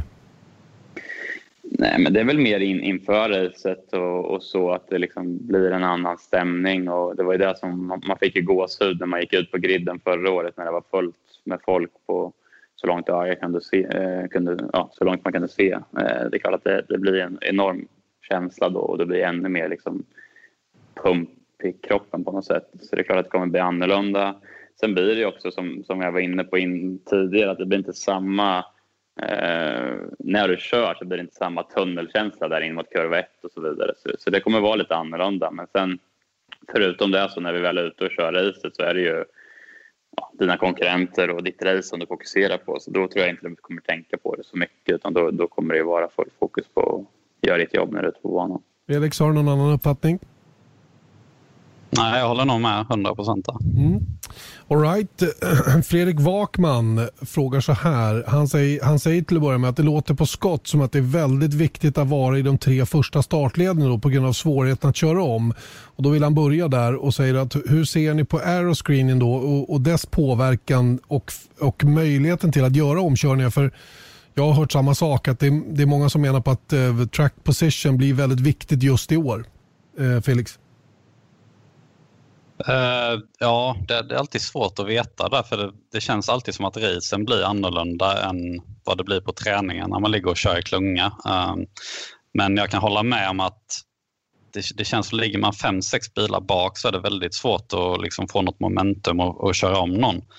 Uh, lite mer liksom aerowash och sådär än vad, vad, man har haft tidigare. Uh, sen känns det samtidigt som att ledaren har ganska svårt att bryta loss från, uh, från klungan. Så det känns som att han, han som leder kommer kanske bara liksom... Det, det, det kan nog bli rätt mycket eh, omkörningar ettan, tvåan hela tiden och, och, det gör väl att allting tajtar ihop sig och ja, det, det är jättesvårt att sitta och försöka predikta liksom vad som kommer hända men uh, jag tror på något sätt att racen alltid blir bättre än vad man tror. Jag tror, jag tror inte det kommer vara livsviktigt att starta liksom topp fem för att vinna racet utan det, det, det är så himla många olika strategier med, med, med safety car och krascher och grejer så att jag, jag, jag, tror det kommer bli mindre viktigt när vi väl kommer igång. Så. Mm. Marcus, eh, hur ser du på Aeroscreen? Har du upplevt att det är knepigare att ligga i trafik med, med den på bilen i år?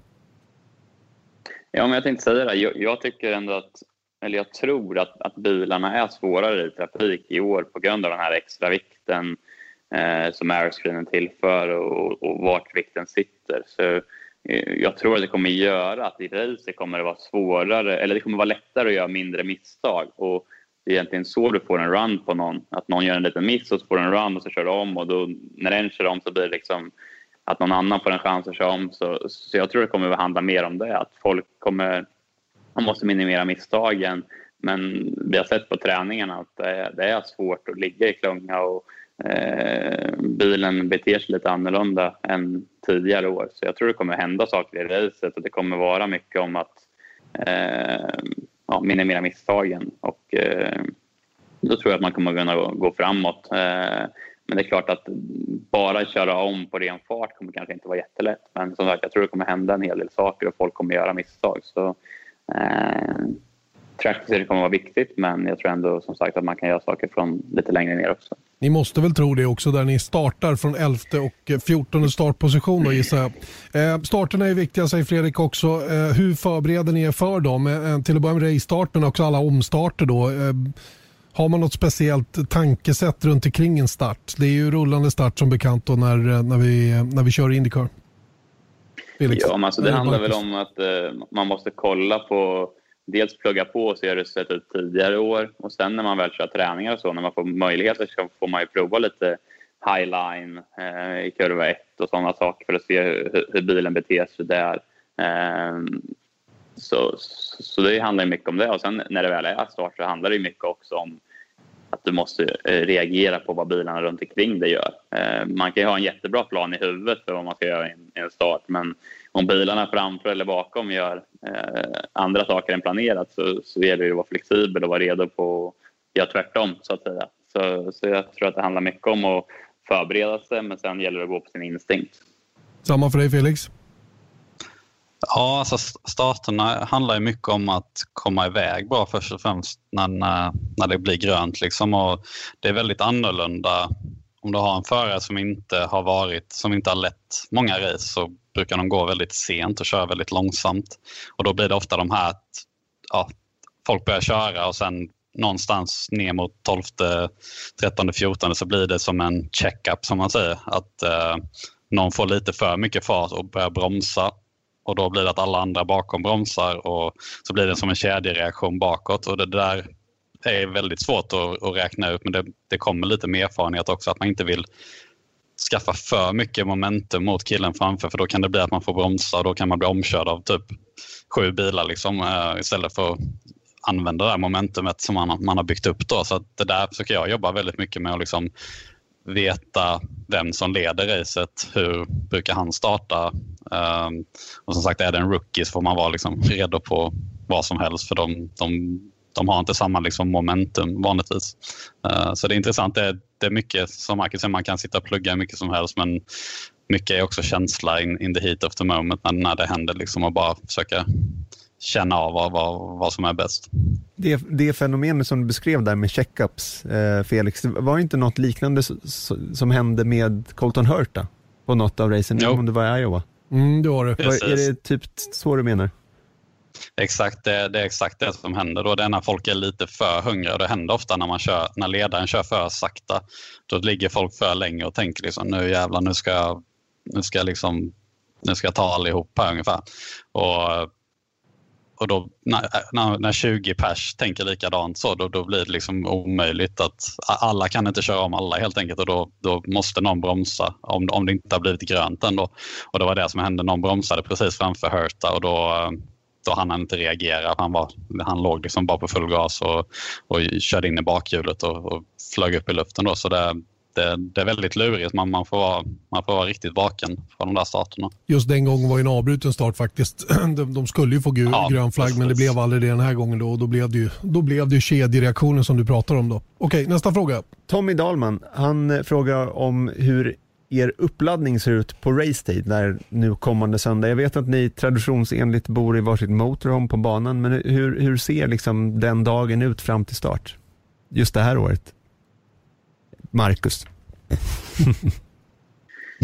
ja, det kommer ju bli lite annorlunda nu när det inte är eh, alla fans och, och allt. Liksom, det är inte riktigt samma uppbyggnad till racet som det var, eh, var förra året eller som de brukar ha. Så det kommer nog bli lite mer att man eh, ja, behöver inte vara på banan sex på morgonen för att eh, missa trafik och så vidare. Så det, det, kommer vara lite annorlunda men för mig personligen så handlar det mycket om att eh, ja, gå igenom allt med ingenjörerna, ha en, en, tydlig plan på hur vi ska göra, diskutera allting så man, man är förberedd så sätt och sen försöker jag eh, liksom gå in i min bubbla och visualisera hur jag ska göra starten och det är påstopp och invarv och utvarv och sådana saker så att jag liksom har det eh, inpräntat i mitt huvud hur jag vill göra sådana moment. Eh, och sen som sagt, ja, gå igenom så mycket som möjligt med ingenjörerna med inställningar och olika taktiker och sådana saker som man har, eh, har det med sig. Eh, ja, annars är det väl det vanliga liksom att man eh, gör sina rutiner och sen ja, ut och resa. Du, eh, fel, jag antar att du gör ungefär samma som, som, som Marcus då, fast på ditt vis. Men, men eh, dunkar man in en, en brakfrukost, liksom, eh, två kilo äggröra och 13 mackor, alltså, hur vill man må? Fattar ni vad jag menar? Jag skulle inte, jag skulle inte våga äta någonting. Alltså, samtidigt behöver man ju ha lite energi. Jag, jag vet ju själv när jag höll på, på idrottade och, och var spänd inför en stor uppgift. Och, trot eller ej, jag har spelat några viktiga matcher och då var det ju så här, jag kunde knappt käka någonting. Hur är det för, för dig, Felix?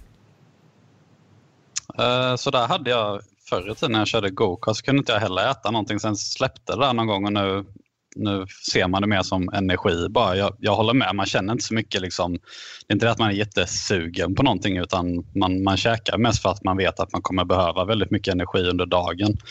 Uh, försöker bara käka det man brukar käka så man inte blir dålig i magen eller någonting. Uh, uh, och sen ja, bara, bara ladda. Liksom det, jag personligen försöker alltid liksom peppa upp mig själv lite extra. Liksom, uh, ta två koppar kaffe eller någonting innan racet. Liksom man, alla förare är olika. Vissa måste liksom lugna ner sig, vissa måste tagga igång sig själva. Och jag, jag känner att jag behöver liksom verkligen ja, pusha, pusha upp mig själv. Så nästan liksom börja boxas eller någonting innan jag hoppar i bilen. Framförallt på, på valen där det, det kräver liksom ett enormt fokus och aggressivitet, eh, i alla fall i början av racet. Sen, sen kommer jag alltid in i rytmen. Liksom. Det är så långa race i Indycar så det blir nästan som att gå ut och springa eller cykla eller någonting. Det, det, det är inte över liksom i första kurvan som det är i många andra serier så det blir en lite annan utmaning på det sättet. Men, eh, men det är ändå viktigt att vara med från början liksom, så man inte sover bort några platser i starten. Så.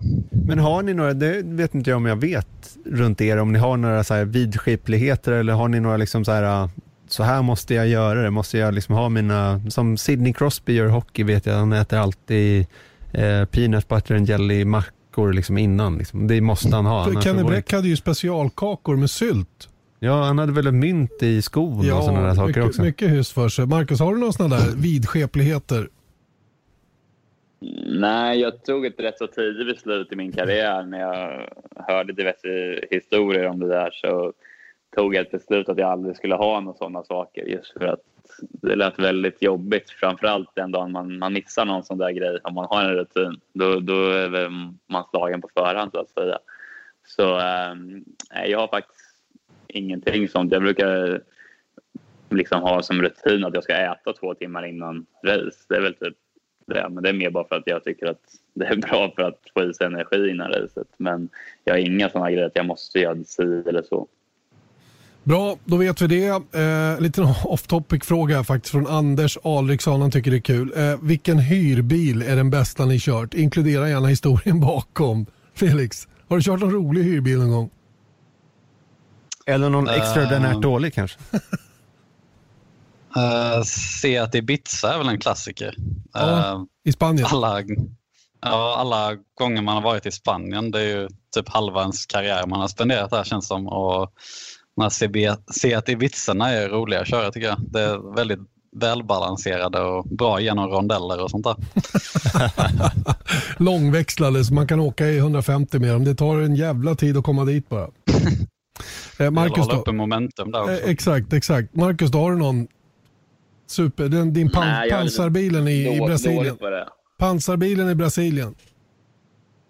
Ja, exakt. Det är typ det. Nej, men det brukar ju vara, jag brukar ju ha Alex som hyr och, och kör hela tiden. Jag brukar sitta i passagerarsätet när vi är ute på våra resor. Så jag, nej, dåligt med, med bra där. Men det är som du säger, i, i Brasilien så hade vi alltid men då hade vi alltid chaufför egentligen som, som kom och hämtade oss på flygplatsen och körde oss till och från banan både i Brasilien och Mexiko med ja, pansar, eh, vad heter det, glas. Mm. Eh, så, så, det var väl lite speciellt. Eh, Tretonnare. Ja, exakt. Mm. exakt. All right. Inget märkvärdigt när det gäller hyrbil. Jag ser att Ibiza, den tar vi med oss såklart. Det är ju oerhört viktigt att ha en sån nästa gång jag hyr bil. Eh, Thomas Gustafsson undrar, vad är svårast på Indianapolis Motor Speedway? Ensam med full boost på kvalet, de viktiga fyra varven eller i ett kritiskt läge i racet med massa trafik under själva racet. Vad säger du Felix? Vilket är liksom, vad får hjärtat att pumpa mest? Uh, jag tror ändå racet, när, när väl committar och, och har en run som man säger på någon, uh, när man liksom har byggt upp ett momentum och så ska man hålla full gas nästan i växellådan på killen framför. Eh, då, det är ungefär samma som är kvar. Man, man måste bara hålla ner och, och lita på att bilen inte kommer understyra och att det inte händer något konstigt. Och det, det kräver ett enormt commitment och jag, jag tycker alltid det, det, det, känns alltid som du är mer fokuserad när du har bilar runt omkring för du vet aldrig vad de kommer göra och du har dessutom bilar bakom dig så gör du ett misstag så kommer du förmodligen förstöra racet för tio andra pers bakom dig. Så att, eh, um, nej, trafiken det är ändå liksom lite, det tar det ett snäpp längre på något sätt. Marcus? Ja, men jag kan hålla med Felix där. Men samtidigt så är det, det är något speciellt med den här Indy-kvalet på något sätt med, med fyra varv där och det går så otroligt snabbt. Så, eh, ja, och helst ska det ju vara också att det, det, ska vara verkligen på gränsen för att det ska vara snabbt nog på kvalet. Eh, det var väl det jag, lite, jag kände på mitt andra försök att när det var som varmast mitt på dagen så var vi ute och körde och jag var en av få som lyckades förbättra mig där och då var det verkligen de här sista två varven att jag kände att bilen rörde sig. Bilen var verkligen på gränsen men jag lyckades hålla nere och då hade man bra, bra adrenalinpåslag där sista två varven för att ta, ta, det, ta det hela vägen hem så att säga. Också eh, vidare på lite liknande samma punkt då från Mikael Mellqvist. Hur svårt är det att hålla plattan i mattan på Indianapolis Motor Speedway, speciellt liksom de första varven när man kommer ut? Jag vet att ni bara gör det, men jag menar, hur, hur jobbigt är det mentalt? Marcus? Nej, men jag, första, min första run så uh, lyfte jag lite i kurvorna uh, på, i onsdags. Va? Uh, ja, fega lite. Uh, Nej, men jag tror att det är, igen där så... Det är väl, många har väl olika te teknik eller taktik på hur man gör det där. Eh, jag tycker om att bygga upp det steg för steg och jag, jag ja. Men det, det, det, handlar ju igen om, det är en mental grej. Bilen kan ju ta det, men det gäller ju bara att bestämma sig för det. Eh, så, så det handlar mycket om mentalt och liksom bygga upp det och eh, lita på det man har. Eh, men det var väl det som var grejen för mig, att jag hade min referens från förra året och i år så kör vi en väldigt annorlunda bil. Eh, och då ville jag liksom känna mig för lite först innan jag, innan jag committade och körde plattan i. Men, eh, men sen som typ på ett kval liksom, så är det ju bara, du går ut och så är det ju bara inställt på att jag ska hålla fullt här. Det, det, det, ska vara fullt och jag kommer inte släppa. Utan då, då får man ju liksom övertala sig själv på något sätt att eh, bara hålla ner. Du, Felix, eller Fredrik Ekblom berättade för mig en gång när han körde, det är ju hiskigt länge sedan då, men han, han la på vänsterfoten uppe på högerfoten in i de riktigt snabba svängarna där. För att vara hundra säker på att han inte gjorde något lyft. Eh, alltså inget, eh, inget förar... Eh, vad heter det? Confidence lift. Dri drivers flat och engineers flat brukar man ju prata om. eh, har du upplevt det där själv Felix? Uh, ja, när jag körde Indy Lights på Indy så gjorde jag faktiskt samma sak. För det, det var så oerhört viktigt att inte lyfta också för det, turbon var så oerhört långsam att spinna upp igen så att man tappade typ liksom fem miles per hour om man lyfte lite. Uh, så det, det, har jag faktiskt gjort en gång men uh, nu för tiden så håller jag bara med en fot. Men, uh, men det som Marcus säger, det, det tar emot lite i början, det gör det. Men alla har nog sina tekniker liksom och, och lura sig själv mentalt. För det, det är ju det det handlar om. Det är, det är, ingen som går ut och bara håller fullt utan att tänka på det. Utan det, alla, alla fattar ju liksom vilka risker och vad, ja, vad, vad det är man faktiskt håller på med på banan. Så att, eh, men för mig är det ofta så här om, om någon annan håller fullt så brukar jag också kunna göra liksom det. Om man ser någon som har kört en 222 miles per hour i snitt så, och man vet att han håller fullt så, så brukar jag bara har ganska lätt för att göra detsamma. Liksom. Um, men det, ja, det, it's not easy. Nej, alright då vet vi det. Eh, en kille nu med det målande efternamnet från Appelstrud. Den heter Mikael i förnamn. Jag antar att han har något annat eh, efternamn egentligen. Men eh, oavsett vad, hur mycket svenska pratar ni med varandra eh, för att ingen annan i stallet ska förstå? Har ni någon liten, eh, någon liten egen klubb där i teamet som gör att Scott inte får vara med och, och, och liksom blanda sig i? Vad säger ni? Marcus, har du det? Nej, men alltså, när vi pratar i teamet så, så pratar vi väl engelska hela tiden. Eh, mest för att inte vara oförskämd mot, mot de andra. Eh, men det är klart, annars så vi, jag och Felix, vi har ju ett eget eh, driver lounge det, det, som vi delar på, så där blir det ju svenska, eh, enbart svenska där inne. Det är svenska, svenska rummet. Så, eh, de kallar det Swedish Embassy i teamet. Jaså, Swedish Embassy, ja, men det är bra. Det är bra. Det är bra. Alright, då vet vi det. Um, Mikael Hellström undrar vad det var som gjorde att ni fattade så olika beslut. Vi har ju touchat på det lite grann redan då uh, under kvalet då där, där Dixon gjorde fyra, fem försök. Uh, du gjorde två, Marcus, Felix gjorde bara ett. Hur transparent var det där inom teamet? För det var ju, många ställde sig frågan varför, varför Dixon gick ut på sista försöket och lät klockan ticka ner då. Marcus fick inte möjlighet att köra sitt sista och, och Felix, du och dina ingenjörer, ni kom fram till att bara göra ett försök skulle räcka till för det ni eh, trodde att ni skulle kunna klara av att uppnå. Eh, är det någon som har övergripande ansvar i teamet där för strategierna totalt sett för alla tre bilarna? Felix? Nej, egentligen inte. Utan varje, varje bil bestämmer väl själva i stort sett vad, vad man har för chanser. Och, eh, man, man, kan säga så att när man kör första försöket så, så kommer alla, all, banan kommer aldrig bli bättre än vad den var. Eh, så du kommer få sämre och sämre förutsättningar hela tiden. Eh, så känner du att du har jättemycket att tjäna på att gå ut igen så om du gör ett till försök snabbt som både Marcus och Scott gjorde så, så kan du förbättra. Eh, men har du bara en halv miles per hour i fickan så kommer du inte förbättra. Och det, var det, det var egentligen bara Marcus och Scott som, som gick ut och förbättrade. Och det var ju i och med att vi hittade lite grejer på bilen som, som var mycket bättre just med utväxling och sånt här. Då. Men eh, det var därför vi inte gick ut igen. Det, det är också ett riskbedömande. Vi hade en tuff dag dagen innan och så kände vi att vi kom tillbaka och gjorde en väldigt bra run. Första runnen, kanske lite liksom under gränsen då men det, det fanns inte så mycket för oss att liksom hämta och göra en till run. Eh, och jag tror skott, planen med att ta ut skott flera gånger var väl att de, de kände att de hittade någonting varje gång och de ville testa kan man säga inför Fast 9 för de visste redan att de var vidare. Det, det var liksom ingen som skulle sparka ut dem i Fast 9 utan jag tror inte heller han hade något att tjäna på att vara etta den dagen utan det, det var mer för liksom, hur kan vi förbereda oss inför Fast 9 och det, det visade också vilket confidence de hade att kunna gå ut och riskera bilen som var väldigt snabb flera gånger. Så, så att, uh, det, det, är olika strategier och, men i regel så är det nästan ingen som förbättrar. Nej, och ni gör, eh, alla kör sitt eget race så att säga då och det kostade dig då Marcus, ditt, ditt tredje försök så att säga då, även om det kanske var små möjligheter. Jag säger att det fanns en, några procents möjlighet att förbättra sig då så, så gick du bet på det på Dixon. Men det, det är inte så att eh, ni hade kunnat förhandla till er om att få starta förr, utan det handlar om att vara ute i kön i tid. Ja, men precis. Och det är lite som Felix är inne på där så eh, vi gjorde vårt första försök och då kände vi att Eh, shit, vi hade för mycket downforce på här, det finns mer tid i bilen.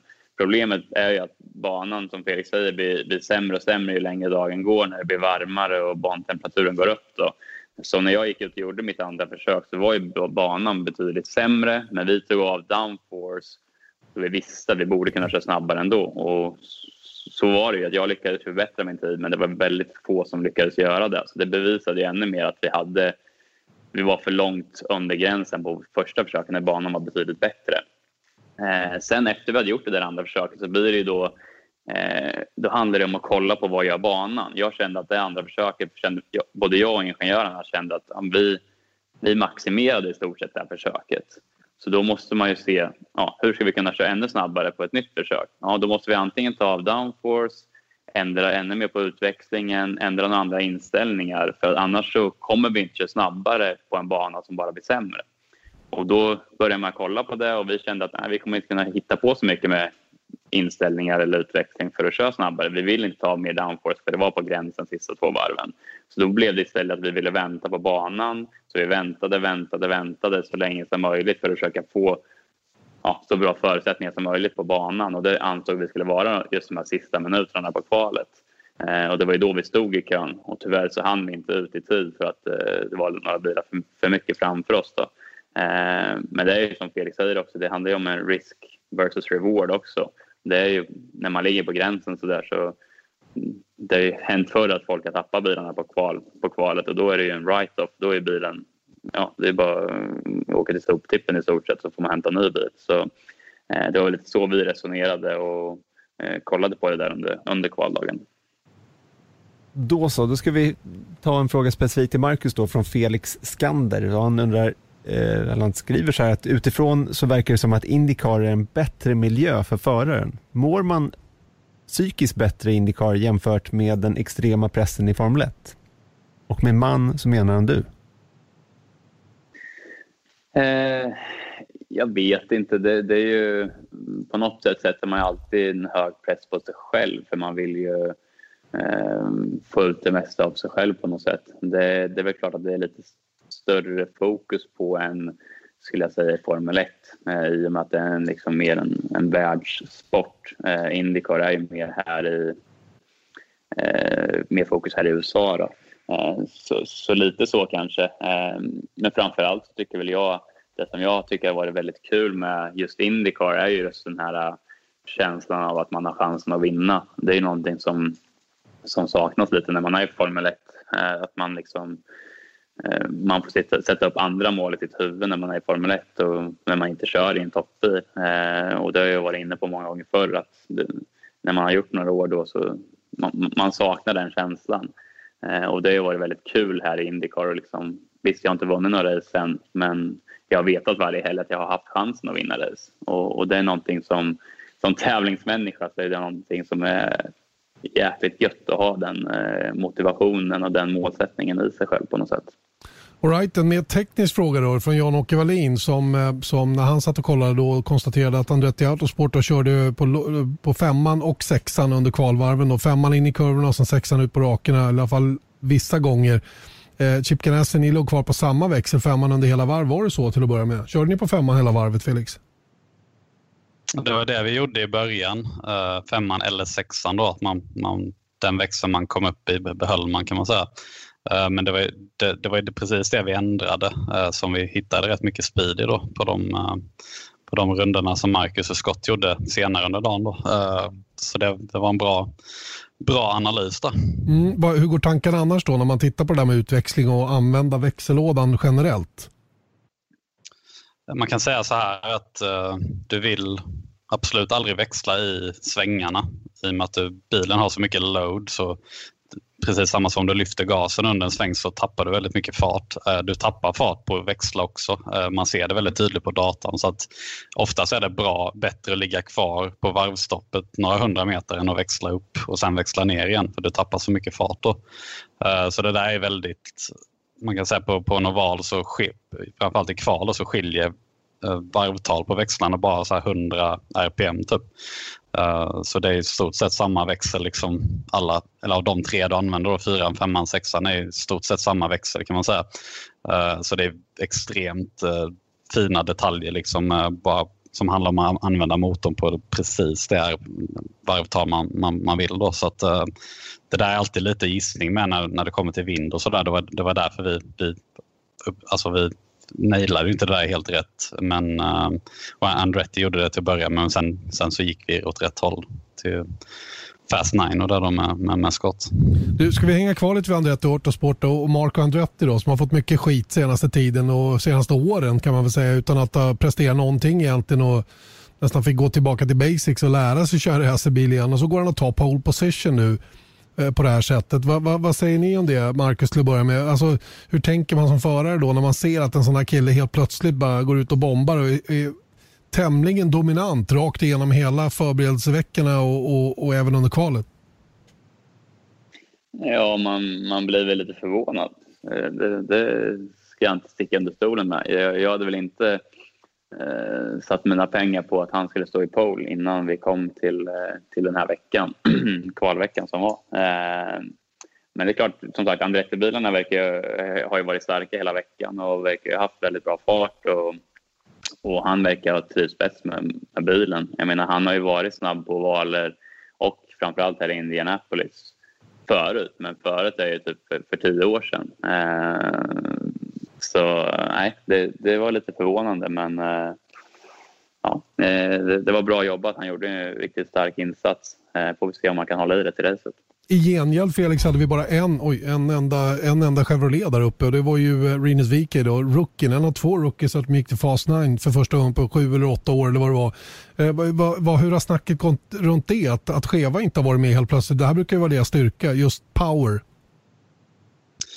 Ja, det har varit intressant faktiskt. Eh, det var någonting som vi inte förväntade oss utan vi eh, vi, eh, vi, vi, känner nästan att Cheva kanske har tappat lite från förra året.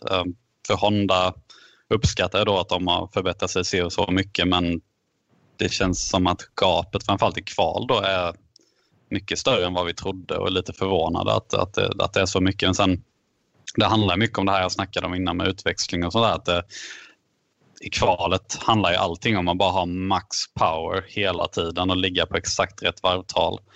Och bara för att du inte är snabb där så betyder det inte att motorn är dålig. Det kan, sen när du kör i race run så du, du har mycket mer skiftande varvtal i och med att hastigheten går mer upp och ner och du har mer split mellan växlarna och sådär. Då, då kan helt plötsligt en annan motor vara mycket bättre om du har mer vridmoment och en, en, en, ett bättre liksom, register då på E- effektkurva och så vidare. Eh, och det känns som att i, i race run så är Cheva minst lika bra som Honda och kanske bättre till och med. Så, att, eh, så det är nog enbart en kvalgrej tror jag. jag. jag. tror inte det kommer vara någon skillnad i, i racen eh, om du kollar Honda versus Chevy.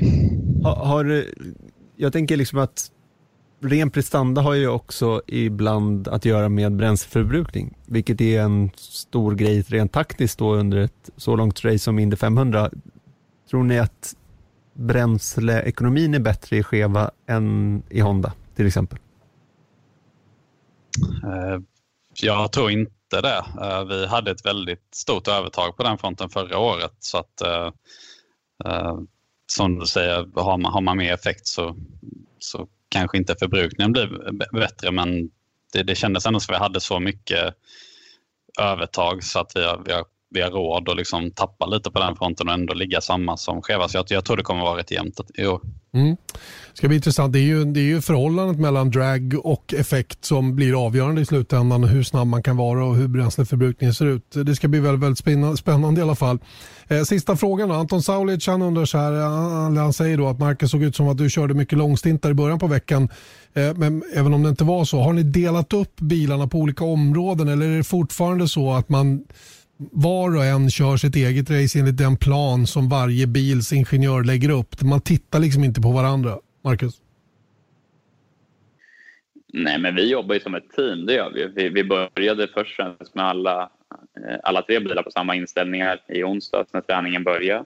Sen hade vi olika områden som vi skulle testa de olika tre bilarna. Så jag hade en viss eh, Ändringar som vi bestämde att eh, min bil skulle testa. Felix bil hade några setup-ändringar som den bilen skulle testa och Scott hade några som den skulle testa. Och sen liksom gick vi igenom det under första dagen, lite under andra dagen och sen efter det så började man ju själv känna lite eftersom både jag, Felix och Scott har ju lite olika preferenser med detaljerna som vi, vi tycker är olika om. Eh, så då börjar man liksom gå eh, lite mer åt sina egna håll men samtidigt försöker man hela tiden hålla koll på vad de andra bilarna i teamet gör. Om de hittar någonting som är väldigt bra så vill man gärna prova det själv också. Eh, och där tycker jag teamet är väldigt duktiga på att vara ja, jobba ihop som ett team och verkligen försöka lära av, av de andra bilarna och även vi förare, både jag, Scott och Felix, har en väldigt bra och öppen dialog hela tiden och diskuterar saker, diskuterar setupändringar och känslan i bilen och så vidare. Så jag tycker ändå att vi, vi lär av varandra. Men sen som sagt i slutändan, de här sista procenterna tror jag är mer hur, hur förarens preferenser är. Ehm, så, så om man kollar nu vart våra bilar är så är de hyfsat lika på de stora grejerna men varje bil inom teamet har lite små detaljer på setupen som är lite annorlunda. Ehm, men, men, men i stora hela så om, om en bil hittar någon, någon större grej som den funkar så brukar de andra två följa åt det här hållet också skulle jag säga. Right, bra. Då har vi rivit av alla lyssnarfrågor som vi hade valt ut. Det blir långt och härligt det här. Nästan en timme Indycar-snack i F1-podden. Um, ehm, ja, det är inte så mycket kvar nu. Uh, går Lulla en vecka? Hur, hur liksom... Uh, är det skönt att få den här pausen innan carb, carb day och sen själva racedagen på söndagen eller vill man på det direkt? Jag återigen gör det relaterat till hur jag själv var. Jag ville liksom köra på en gång. Jag orkar inte gå och vänta på, en, på ett sånt här stort, någonting så här stort som ändå Indy 500 är. Vad säger du Felix?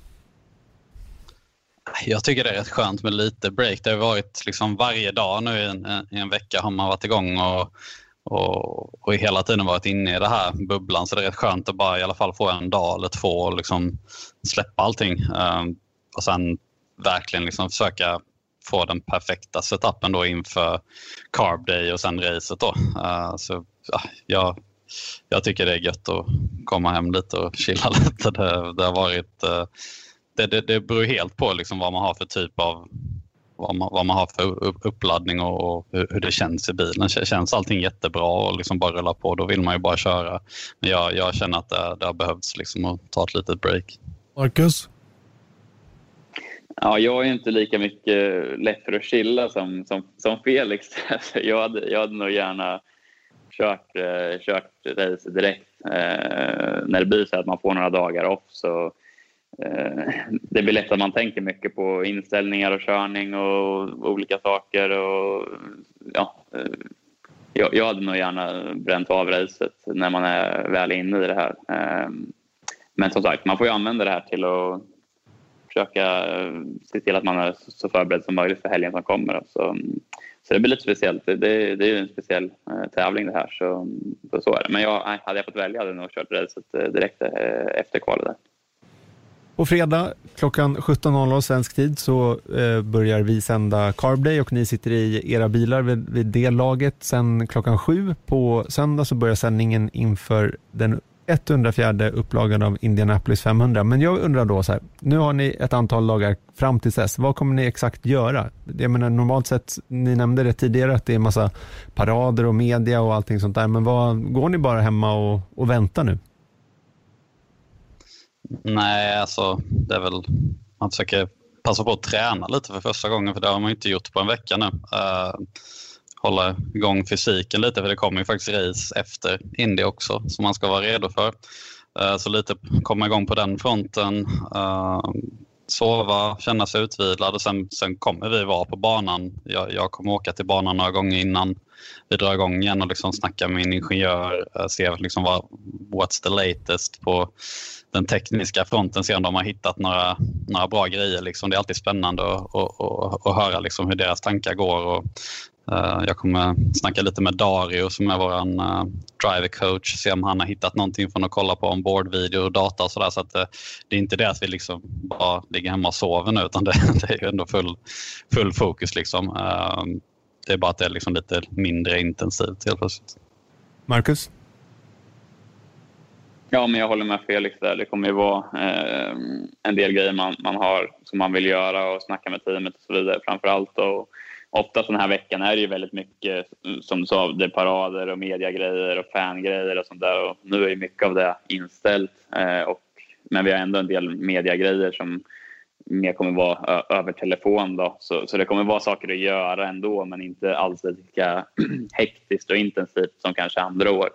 Eh, så, nej, det blir väl som sagt snacka mycket med teamet, förbereda sig. Vi ska ut och cykla här i eftermiddag tror jag. Eh, jag och Felix och Alex och kanske Scott skulle med också. Så ja, hålla igång och liksom, eh, vara redo när det, när det gäller till, till helgen. Det är bara att skicka fram gubben och kliva luft då. Ja, nu vill Molly säga något också. Ja, nu, nu vart det full fart. Nu vart det kaos. Hörrni, ja, du, du vill, Erik, vill du veta vad jag ska göra? Jag ska också köra in i 500, eller säga, inte köra, ja, men ska väl jag också. göra. Ja, det ska... du, du undrar inte vad jag vill göra, så då det spelar ingen roll. Ja, jag är som Marcus, jag vill ha gång. Jag hade kunnat kört ikväll. Det hade varit perfekt. Det hade jag tyckt varit toppen. Men nu får vi gå och dra en vecka och vi får ladda för Carb Day på fredag och sen race då på söndag. Och det ser jag fram emot väldigt, väldigt mycket också såklart. Det är inte varje år man får möjlighet att göra Indy 500 eftersom det ofta krockar då med Monacos Grand Prix. Så att eh, det här ska bli kul. Tack snälla boys för att ni hade tid att vara med i F1-podden och delge av all den här eh, kunskapen som eh, många av våra lyssnare hade hjälpt till med att ställa frågor runt omkring. Eh, Erik, vi är tillbaka med en ny podd om en vecka och eh, då blir det inte lika mycket Indycar. Kanske lite nersnack av Indy 500 lär det bli, men ja. Du, om det är någon som har varit på pallen så ja, då är de ju med. Kommer, kommer de med igen. Exakt, exakt. Ja, det är lika bra ni gör er redo. Det vet ni. Det är en regel som vi har. Eh, tack alla ni. Vi hörs om en vecka igen. Ha det bra. Hej då. Tack. Hej, hej.